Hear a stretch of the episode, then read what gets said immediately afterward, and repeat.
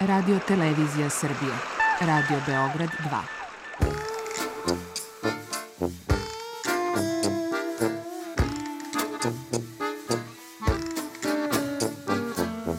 Rekli su mi, gospodine, vi ste promašili temu. Pa ja sam onda promašio život. I ne znam šta će da bude sam. Kaže, ja ne mogu više te čuvam. Šta da ti radi, kaže, ra- snađi se kako znaš. Mi smo kao u kafesu. Za nas to je najmrtvo. To je mrtvo za nas. Naročito. I ja bih želela neko da me usvoji. To bih želela. Govori da bih te video. Program dokumentarnog zvuka.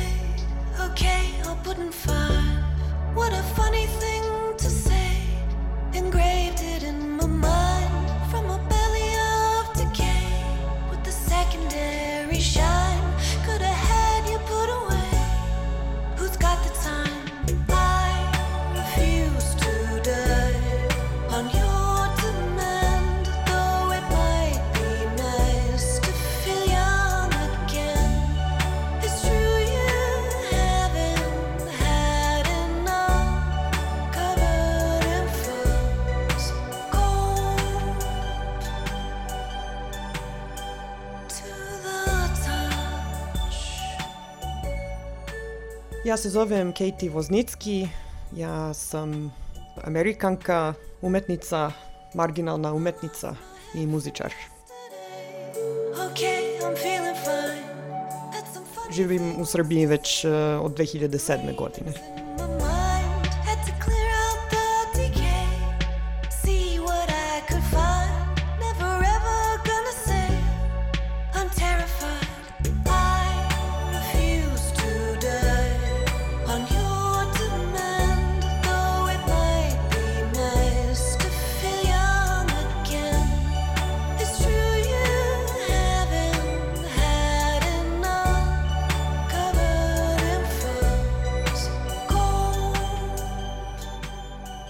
Šta je marginalna umetnost? To znači da nas ne priznaju na akademiji. to je to. Je to. da, često marginalni umetnici imaju mentalne uh, poteškoće i zato prave umetnost. I to jeste do nekli moj slučaj, mada nisam ekstremna po tom pitanju, ali jeste za mene umetnost uh, kao neka duhovna praksa, nešto što ima lekovite osobine i Ja bih crtala da nema, da je apokalipsa, da nema nikoga, da nema ničega, ja bi nekako našla neki neko granje i počela u blatu da napravim neke šare, to je prosto nešto što moram da radim i bez toga ne postojim. ne znam, možda jeste to neki e, uzalud pokušaj da dokažem da postojim, u stvari. E, Znam kad sam pevala e, u horu, u stvari kad sam počela da pevam, uvek sam malo i svirala violinu takođe u, u, u srednjoj školi. Uvek sam za malo falširala. I ja imam jako dobar, jako precizan sluh, pa sam se pitala zašto uvek moram malo da falširam. I shvatila sam da moram u stvari sebe da čujem. Ako ja ulazim u harmoniju, onda nestanem u masi i ne postojim. I to je meni bilo jako neprijatno. A ovako malo samo falširam i znam da sam tu. pa ne znam, možda ima toga. Kao ako I, I draw, therefore I am.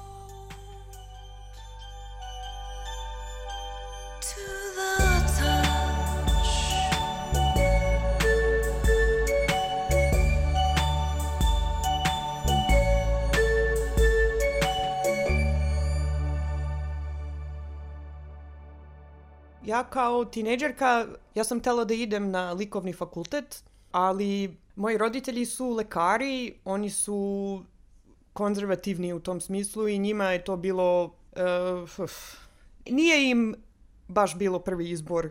Niko nije podržavao da budem umetnica. To nije opcija, to nije za čerka hiruškinje ne možeš da budeš uh, lakrdijaš, da kažem. A u Americi likovni fakulteti su jako skupi i ja sam se plašila ako upišem likovni neki, neki fine arts faculty, university, da neću imati način da financiram to, da ću imati dugove ili šta već, pa onda sam zato upisala opštu lingvistiku na Ohio State. Išla sam na državni fakultet. I super mi je išlo u lingvistici i onda nisam crtala, nisam pravila umetnost eh, te četiri godine. Samo sam se bavila lingvistikom, učila sam srpski, jer sam htela slovenački da, da učim, pošto sam imala jako bitnu osobu, u stvari dadilju u životu iz Slovenije i, i uvek mi je bilo krivo što nisam pričala slovenački jezik sa njom. Pa kao, ajde, ja ću i malo da, ono, da terminat protiv mojih roditelja, pošto nisu dali da učim slovenački kao dete. Kao, ajde da upišem slovenački, ali nije bilo slovenačkog, pa sam upisala srpsko-hrvatski. Tad je još bilo srpsko-hrvatski, mada je to, to već bilo staromodni naziv. Ali u Americi uglavnom su se sve predaje kao jedan jezik, jer je, inače ne bi bilo dovoljno studenta za, za kurs. Jer treba minimum petoro. I onda je profesor bio super, uh, jako sam se primila i počela da učim i onda kad sam završila, pošto ja sam htela da nastavim na doktorske studije u lingvistici, ali pri kraju fakulteta shvatila sam da ne, ne želim, u stvari da to nije ono što sam mislila. Pa onda sam se pitala, pa dobro, pa šta ti hoćeš da radiš? Ta sam imala neki psihološki prekid. Nisam znala šta ću. Odbila sam sve fakultete, sve doktorske programe, sam rekla ne, što je isto bilo dosta čudno, pošto sam radila četiri godine da, da upadnem na te ne, najbolje fakultete i onda sam prošla i onda kažem ne, ipak ne. I onda sam isto bila u, u nekoj vezi, dužoj vezi i to, to nije moglo više i onda, onda smo se razišli. Uh, I kao šta sad? Pa dobro, pričam srpski, idemo u Srbiju.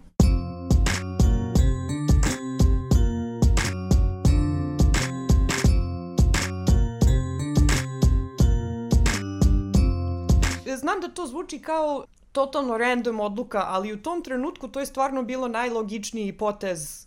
I mislila sam, ajde, ići ću u Beograd, pošto moje profesori iz Obrenovca, pa sam pričala kao srpski. I kao, ajde, ići ću malo u Srbiju, godinu, dve, naučit ću jezik do kraja i onda će verovatno nešto da se pojavi u životu, kao, ta sam imala 23 godine, pa kao, to je bilo normalno nije baš bilo normalno ići u Srbiju, to nije, nije baš popularna destinacija naročito tada, ali došla sam u Beograd i eto, počeo mi je novi život kao umetnica. Toliko je bilo lep osjećaj što ovde niko ne zna ništa o meni. Ja sam imala jednog poznanika, eh, Pavle Ćosić, i nikoga više, nikoga ni, nisam znala, niko nije ništa očekivao od mene niko nije znao da je moja majka uspešna hiruškinja, da ja treba da budem ja hiruškinja ili advokatica ili treba da radim neke ozbiljnije poslove ili uh, da sam bila odlična. Dobro, znali su za lingvistiku pošto sam pričala srpski dobro i to im svima bilo baš dosta čudno, čak i uh, u policiji su mislili u jednom trenutku da sam verovatno špijun. Kao zašto pričate srpski toliko dobro? To je lingvistika. To je magija opšte lingvistike. Brzo sam pokupila neki naglasak kao sa Ibarske magistrale i rekao mi je drugar da je to u, užasno subverzivno kao došla je Amerikanka pa priča kao taj narodski e, narodni jezik, da, da kažem, dijalekat i, i onda sam odlučila da zadržim to, pošto mi je super da je, da je malo, malo čudno. I ljudi, dobro, sad, sad sam se upustila. Tad sam bila jako, jako sam se plašila da pravim grešku ili da ispadnem, ne znam, debil, da kažem, ali sad, sad sam navikla, sad sam se upustila i sad ne, ne obraćam pažnju toliko, ali tad sam baš mogla da pričam da niko ne provaljuje uh, da nisam odavde. I čak su mislili često da sam iz Užica ili iz Gornjeg Milanovca ili tako nešto. Mada sad, sad sam neke južnjačke fazone uh, inkorporirala.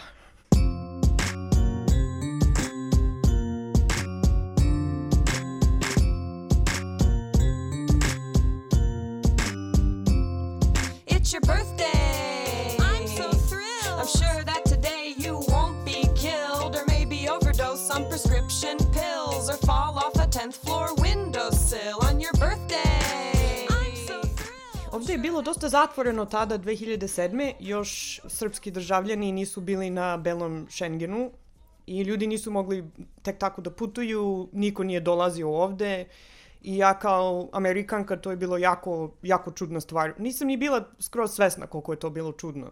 Ali meni nije bilo, mislim ja sam od uvek imala neki marksi, marksistički pristup da smo mi svi kao podjednaki, pa, pa šta, kao da li sam u Srbiji, da li sam u Kini, da li sam u Ohaju, odakle sam. Nemam razlog da mislim da je to nešto bolje ili lošije ili šta, šta ja znam. Ali ovde u stvari mi je bilo super, pošto, baš zbog toga što ni, niko nije znao ko sam, ništa za mene, i drugo zbog toga što sam odmah upala u, u društvo umetnika. I odmah sam počela da crtam i da pravim muziku i odmah sam shvatila da, da mogu da budem posvećena tome i da niko ne može da mi kaže ne. I to je, to je stvarno bilo kao, mislim to sam rekla jednom, bo, kao ruka uh, Božija. Da, da sam bila na nekoj ivici, nisam znala šta ću sa sobom i, i kosmos je samo rekao, evo ti sine ovde ćeš. I našla sam svoj put. Odmah sam upoznala Studio Strip kolektiv, Radovan Popović i Aleksandar Opačić u stvari su bili stalno tu, u stvari da krenem iz početka, znači ja sam upoznala jednu drugaricu koja je mi dan danas baš bliska drugarica, Amerikanka, i ona je bila u vezi sa, sa profesorem, sa, sa Opačićem iz uh, Studio Stripa. I nju sam pitala za da li zna za neku sobu i našla mi je odmah sobu u kojoj je ona uh, živela kad je bila u Beogradu malo pre. I pošto je ona spavala kod nas, onda je počeo Opačić da dolazi stalno i on stalno u tom periodu i stalno crtao. I sećam se prvi put kad sam videla njegove radove i radove od Studio Stripa, ja sam shvatila da to uopšte nije naj, naivno, to nije, nisu neki bez veze crtači, nego to stvarno toliko moćno, nisam mogla da verujem da, da vidim tako nešto toliko upečatljivo i, i neobično i tu, to je neki, ono, neki lik koji je tu kod mene na gajbi, bez veze, baš, baš mi je bilo wow. I shvatila sam da, da bi bila baš budala da propustim tu priliku, s obzirom da sam uvek crtala pre nego što sam upisala fakultet, da sam htela da budem umetnica, da sam kreativna i kao, a eto ti, mislim, šta, šta ti još treba? Nisam, ono, to je priličan poziv. I bilo je jako vruće tog leta i onda smo ostali uglavnom u tom stanu i crtali smo, crtali smo i crtali smo i došao Radovan Popović, on je živeo u kraju i crtali smo i crtali do pet ujutru, pa spavamo malo, pa se budim, pa od, odmah krenem da crtam. I, i ba, baš mi je uhvatila neka kompulsivna, uh, uh, neka compul compulsion. Moram da crtam, moram da crtam. Kao da sam izgubila tih 4-5 godina na faksu i sad uh, moram da, da dodam uh, što više. I onda sam počela da crtam non stop svugde, ka, ko, ko, nisam mogla da prestanem prosto. Sad vidim da ni, nije bilo drugi put za mene. Da bi poludela da nisam počela da, da stvaram. Mislim, to zvuči malo dosta kliše kao samo moram da stvaram. Ali je stvarno tako. Pa što se tim potrebu I ovde sam stvarno imala sreću što sam upala u ekipu koji zna kako, koji ima sličan pristup to, to je ono što je stvari, zato mislim da je ovo sve bilo suđeno na neki način, jer ja sam upo... To, to kad, kad čitaš o moje priči ili čuješ moju priču, to zvuči dosta besmisleno, kao što bi neko došao iz Amerike u Srbiju da crta. Ovde nemaš nekih mogućnosti u smislu ne možeš ti da postaneš svetski poznat tek tako, ne možeš da zarađuješ puno para od toga, teško živeti od toga sredina je takva kakva je. Ali ipak sam našla tu neke srodne duše, ljudi koji, koji crtaju bukvalno na isti, imaju iste principe kao ja. To nisam videla pre u Americi. Ne znam koliko je to često. Mislim da nije baš toliko često, a prosto sam imala tu sreću da upadnem u tu priču vrlo brzo. I, i cenila sam, shvatila sam da je to nešto posebno i da, da hoću da ostanem i, i ja sam vrlo vredna osoba, to sam nasledila od moje majke. Uh, i, I radim puno i prosto sam htela ovde da radim, imala sam s kim da radim. Kad kažem radim, mislim na crtanje, ne za pare, nego duhovni rad, da kažem.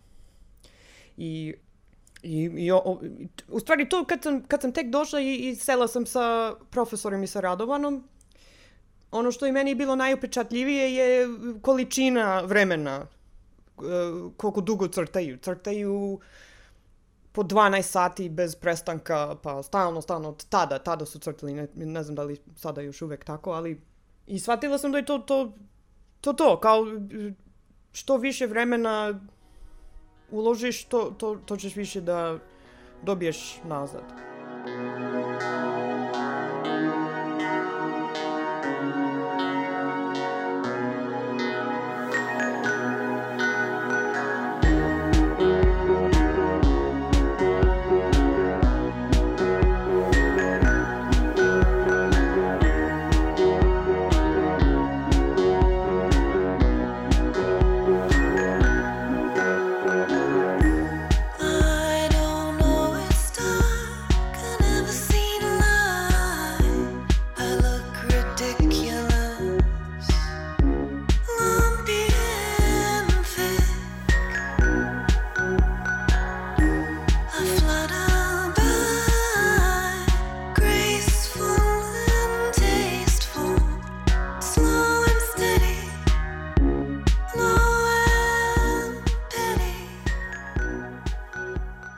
Svemu, ja sam e, tad, ka, e, u tom stanu, kad sam upoznala Studio Strip i gomilu drugih ljudi, onda je došla Joana, koja je sad iz, iz matrijaršije, ali ona tada, tada je bila neka francuskinja koja je- nije imala gde da boravi, pa je došla kod nas.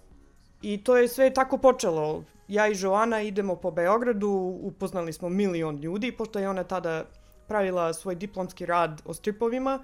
I onda je baš imala cilj da upoznaje što više ljudi. Ja sam dosta introvertna ličnost, a ona baš i nije introvertna ličnost. I onda sam je pratila, išla sam sa njom svugde i upoznala sam gomilu ljudi. Baš je bilo nešto videti u tom periodu. 2007. dve strankinje koje kao pričaju srpski, pevaju na srpskom. Svi su bili u fazonu zašto ste vi došli ovde, šta vi radite ovde, otkud Srbija, ali za mene je to bilo intuitivni, uh, intuitivna stvar. Ja se sjećam jednog dana sam se šetala, bila sam kod hrama Svetog Save, možda je to neki pravoslavni simbol. Uh, i, I gledala sam oko sebe i kao, a čovječe, ja bi mogla ovde da ostanem zauvek čak. Ma nemoj zauvek, to je, to je mnogo, zauvek je mnogo du, dugo. Ali, ali možda ne moram da se vratim u Ameriku, što moram da se vratim sada? I onda sam odlučila da ću se vratiti ukoliko imam razlog da se vratim. Neki dobar razlog što je vezano za moju umetničku karijeru. I to se još nije desilo, tako da evo me još uvek.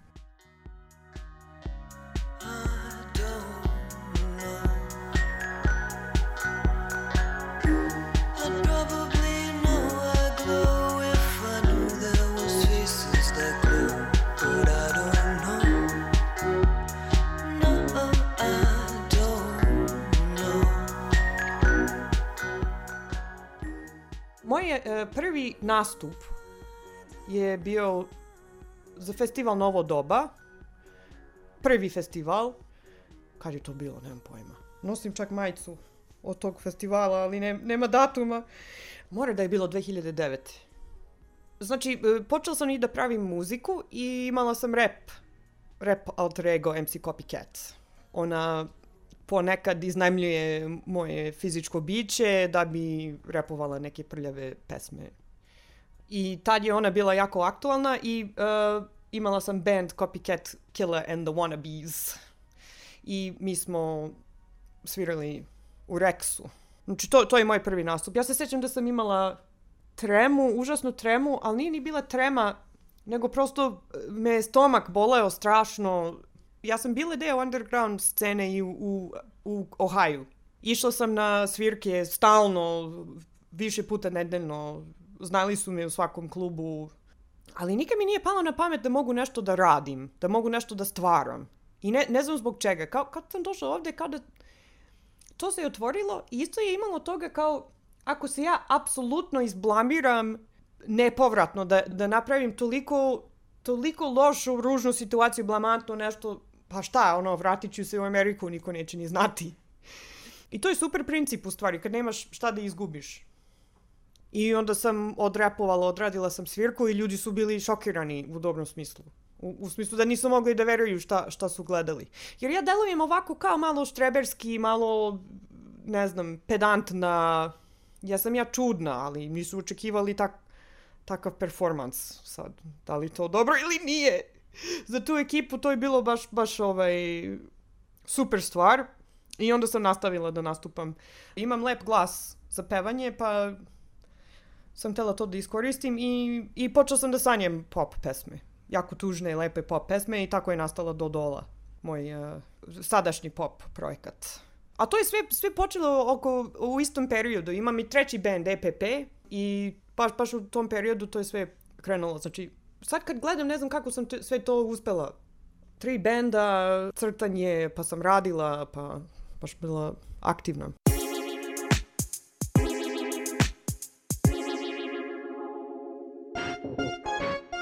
con con con con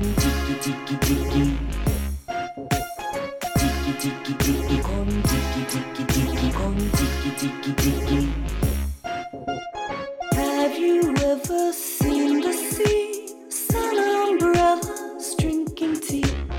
I have never seen the sea. Sun umbrellas drinking tea. Con. Znači sve vreme crtam, crtam, crtam i ne znam da li sam to, ja mislim da mi ni- niko nije naučio to. Ne mogu da se setim da mi je neko rekao kao probaj ovako da crtaš, nego intuitivno sam počela da crtam intuitivno. Takozvani intuitive drawing ili Goran Stojčetović kaže za to deep drawing, dubo, duboki crtež, da samo pustim podsvest da radi šta radi. Ne mislim, nemam pojma šta ću da crtam ili da slikam kad sedim da radim, samo krenem. I, i prat, pratim tok. I onda počinješ da vidiš neke stvari se ponavljaju, neke teme, neke...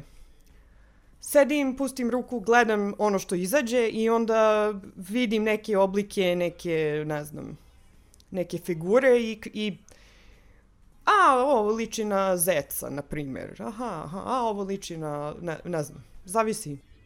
Pa onda sam počela da se razvijem, da oblikujem sebe kao umetnika. I, i taj, taj princip da, da treba da bude intuitivno. Ne, kad ljudi kažu, e, ne znam šta da crtam, pa kao šta to znači? Pa kao da ja znam šta da crtam, ja nemam pojma šta da crtam, samo crtam.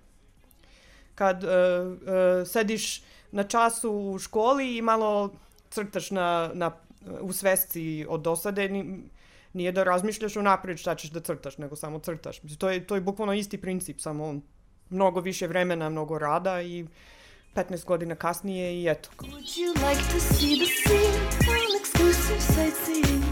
I will never see the sea. All exclusive sightseeing. Would you like to see the sea? I will never see the sea. Would you like to see the sea? I will never see the sea. Would you like to see the sea? I will never see the sea. Would you like to see the sea? I will never see the sea. I will never see the sea. I will never see the sea. I will never see the sea. I will never see the sea.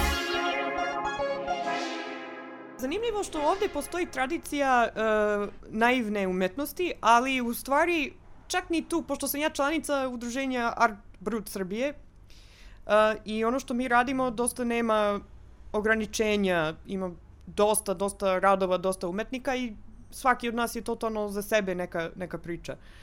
Uh, I zato volim, zato mi je super i zato verujem u tome i znam da je to autentično, jer pro, prosto kad gledaš radove vidiš posvećenost, vidiš uh, uh, sati, vreme, ljubav i transformaciju. Uh, I ne, nebitno, nevezano za stil crtanja. Nije kao mi smo impresion, impresionisti pa crtamo na taj način, ne, nego mi crtamo pa crtamo um, Ali onda ovde čak u nekim institucijama ili u nekim krugovima gde je pri, priznat, uh, uh, priznata naivna umetnost, to uglavnom bude seoska naiva i onda je to problematično što smo mi mi ni, ni tu ni, ne upadnemo u stvari, kao, pošto ni, ne crtamo mi neke ono, seoske pejzaže, ne znam, farmere, krave, nego naši radovi su prilično mračni u, u, uglavnom. Ne uvek, ali uglavnom su mračni. Meni je to smešno, da, da čak, čak naivna umetnost u institucijama postoji kao stilski kalup za to, kao, kao čak za outsidere ni, treba ovako da se radi.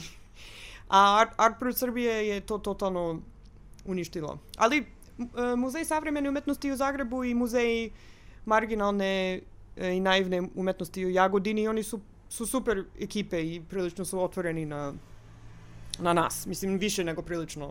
Su, super su i podržavaju nas ali mi, mi smo avangarda faktički u, smislu da je dosta dosta, dosta jas, mi smo isto stvarno marginalni.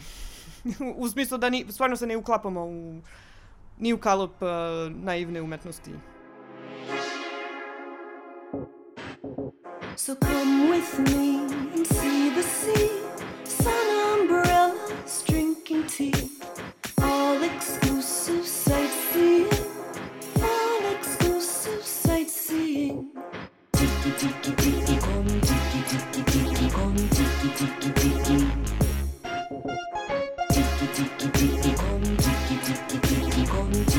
Tiki. Nije, mi opadala strast za, za stvaranje. Nikad. I imam periode kad se umorim, kad pravim pauzu. Moram da, moraš da praviš pauzu. Ali, ali zato ja idem, ja takođe štrikam i pravim neki tepihe, neke krpare. To ide tačno u ciklus. Um, na primjer, pišem pesme, ne znam, tri meseca, radim intenzivno na to i onda iscrpim se i kao da nemam više šta tu da kažem i onda štrikam, na primjer, neko vreme i onda mi se užasno crta pa počnem da crtam i onda imam e, upadnem u to skroz kad počinjem i ne mogu da izađem i onda danima ne izlazim iz stana, samo crtam, samo slikam, samo osviram. Moj sestrić je imao šest godina i on je pitao moju sestru kad je teta, tetka Katie znala da, da je umetnica. Jer je on shvatio da sam umetnica i da da imam neke ozbiljne izložbe, da crtam i da je to nešto, da nije to samo zezanje, nego je nešto konkretnije i, i to je za njega zanimljivo i neobično. I meni je to bilo super pitanje i onda sam morala razmišljati pa kao, ka, kad sam stvarno shvatila da sam umetnik. I mislim da je bilo to je u stvari trenutak kad sam uh, when I committed kad sam se posvetila skroz kad sam odlučila da mi je umetnost na prvom mestu da i, i sve što radim u životu u stvari ide uz to na neki način. Kao sve je podrška tome. Znači uh, nekad se desi i imam malo više posla pa ne, ne stižem ali uvek ću stići barem malo da crtam da sviram svaki dan pomalo. Ili uh, kad idem ulicom razmišljam o tome pišem pesmu u glavi ili vrtim neke akorde ili tekstove Mislim da je u stvari samo prioriteti, da- pitanje prioriteta. Jer, e, s obzirom da nisam akademski slikar, onda nemam spoljašni... Mislim, sad imam, sad sam dobila neko priznanje i, i ušla sam u neke priče, malo ozbiljnije priče, ali i to, to je meni mnogo znači, to je jako lepo i lepo je što će moj rad da ostane iza mene zabeležen. Ali u suštini meni to nije nikad bilo prvi cilj, nego uh, samo prioriteti, znači budim se i ujutru i šta ja radim prvo, crtam. I onda idem na posao, a ne obrnuto. Jer uh, lako je da upadneš kad radiš, kad moraš da radiš za pare, onda lako je da zaboraviš na to. Ali ja, ja sam se potrudila da to ne radim i uvek, ni, nikad nisam zaboravila te prioritete.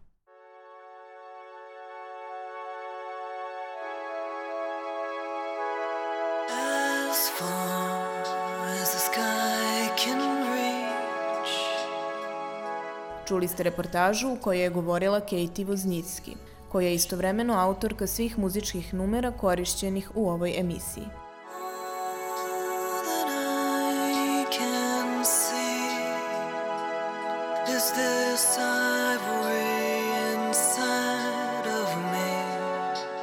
Autor Milena Radić.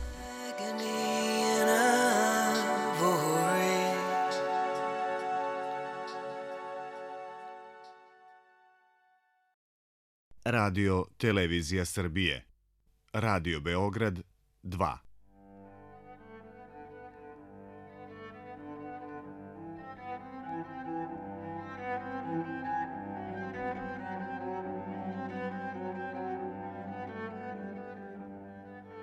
Autogram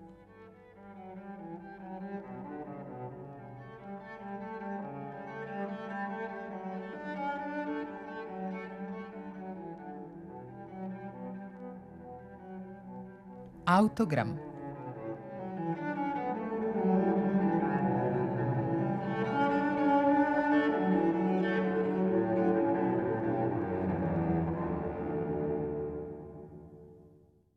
Poštovani slušalci, dobar dan, pozdravlja vas Maja Čolović-Vasić. Današnju emisiju posvećujemo jednom od najpoznatijih ostvarenja španske romantičarske literature, španskoj sviti opus 47 Isak Albenisa. Kraj 19. i prva polovina 20. veka predstavljaju u istoriji španske muzike period preporoda, ali i procvata nacionalnog stila.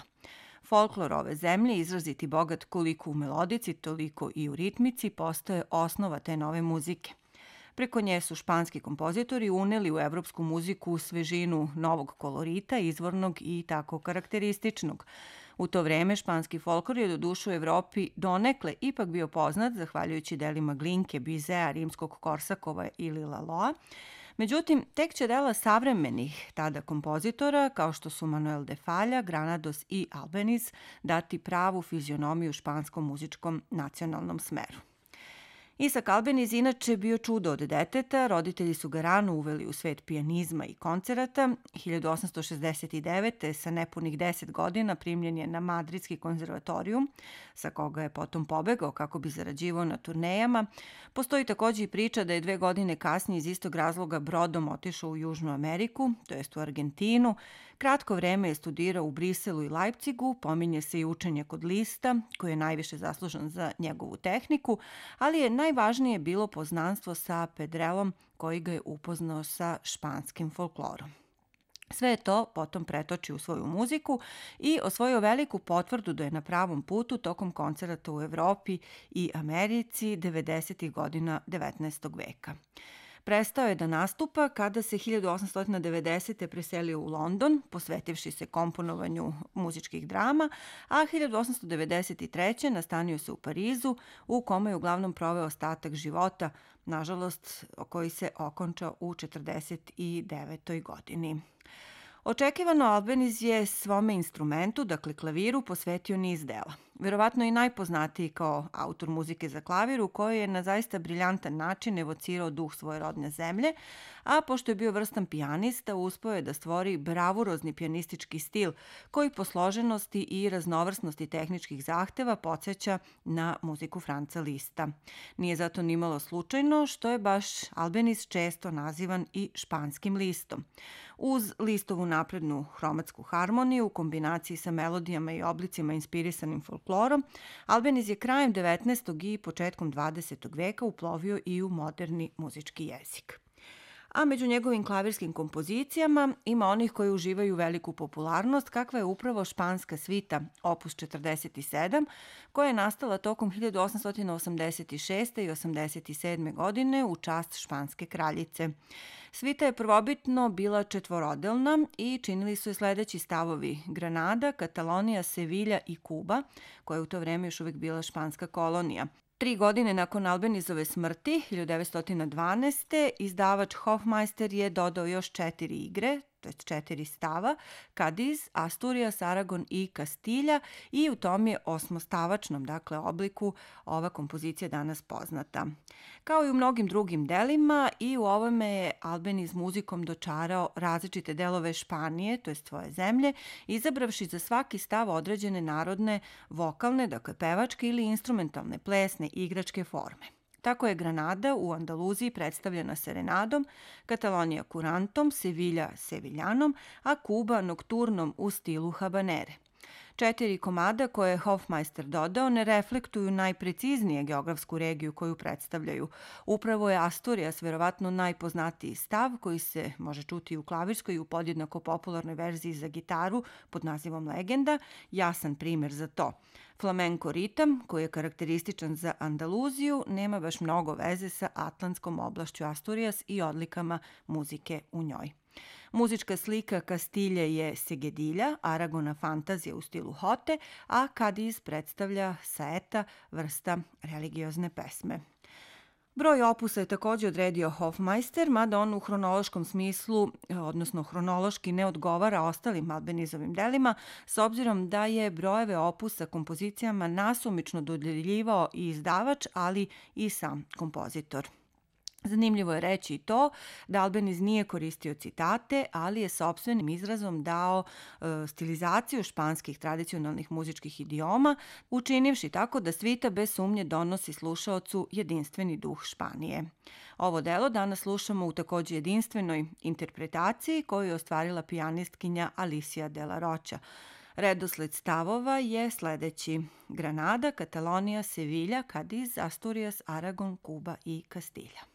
Thank you.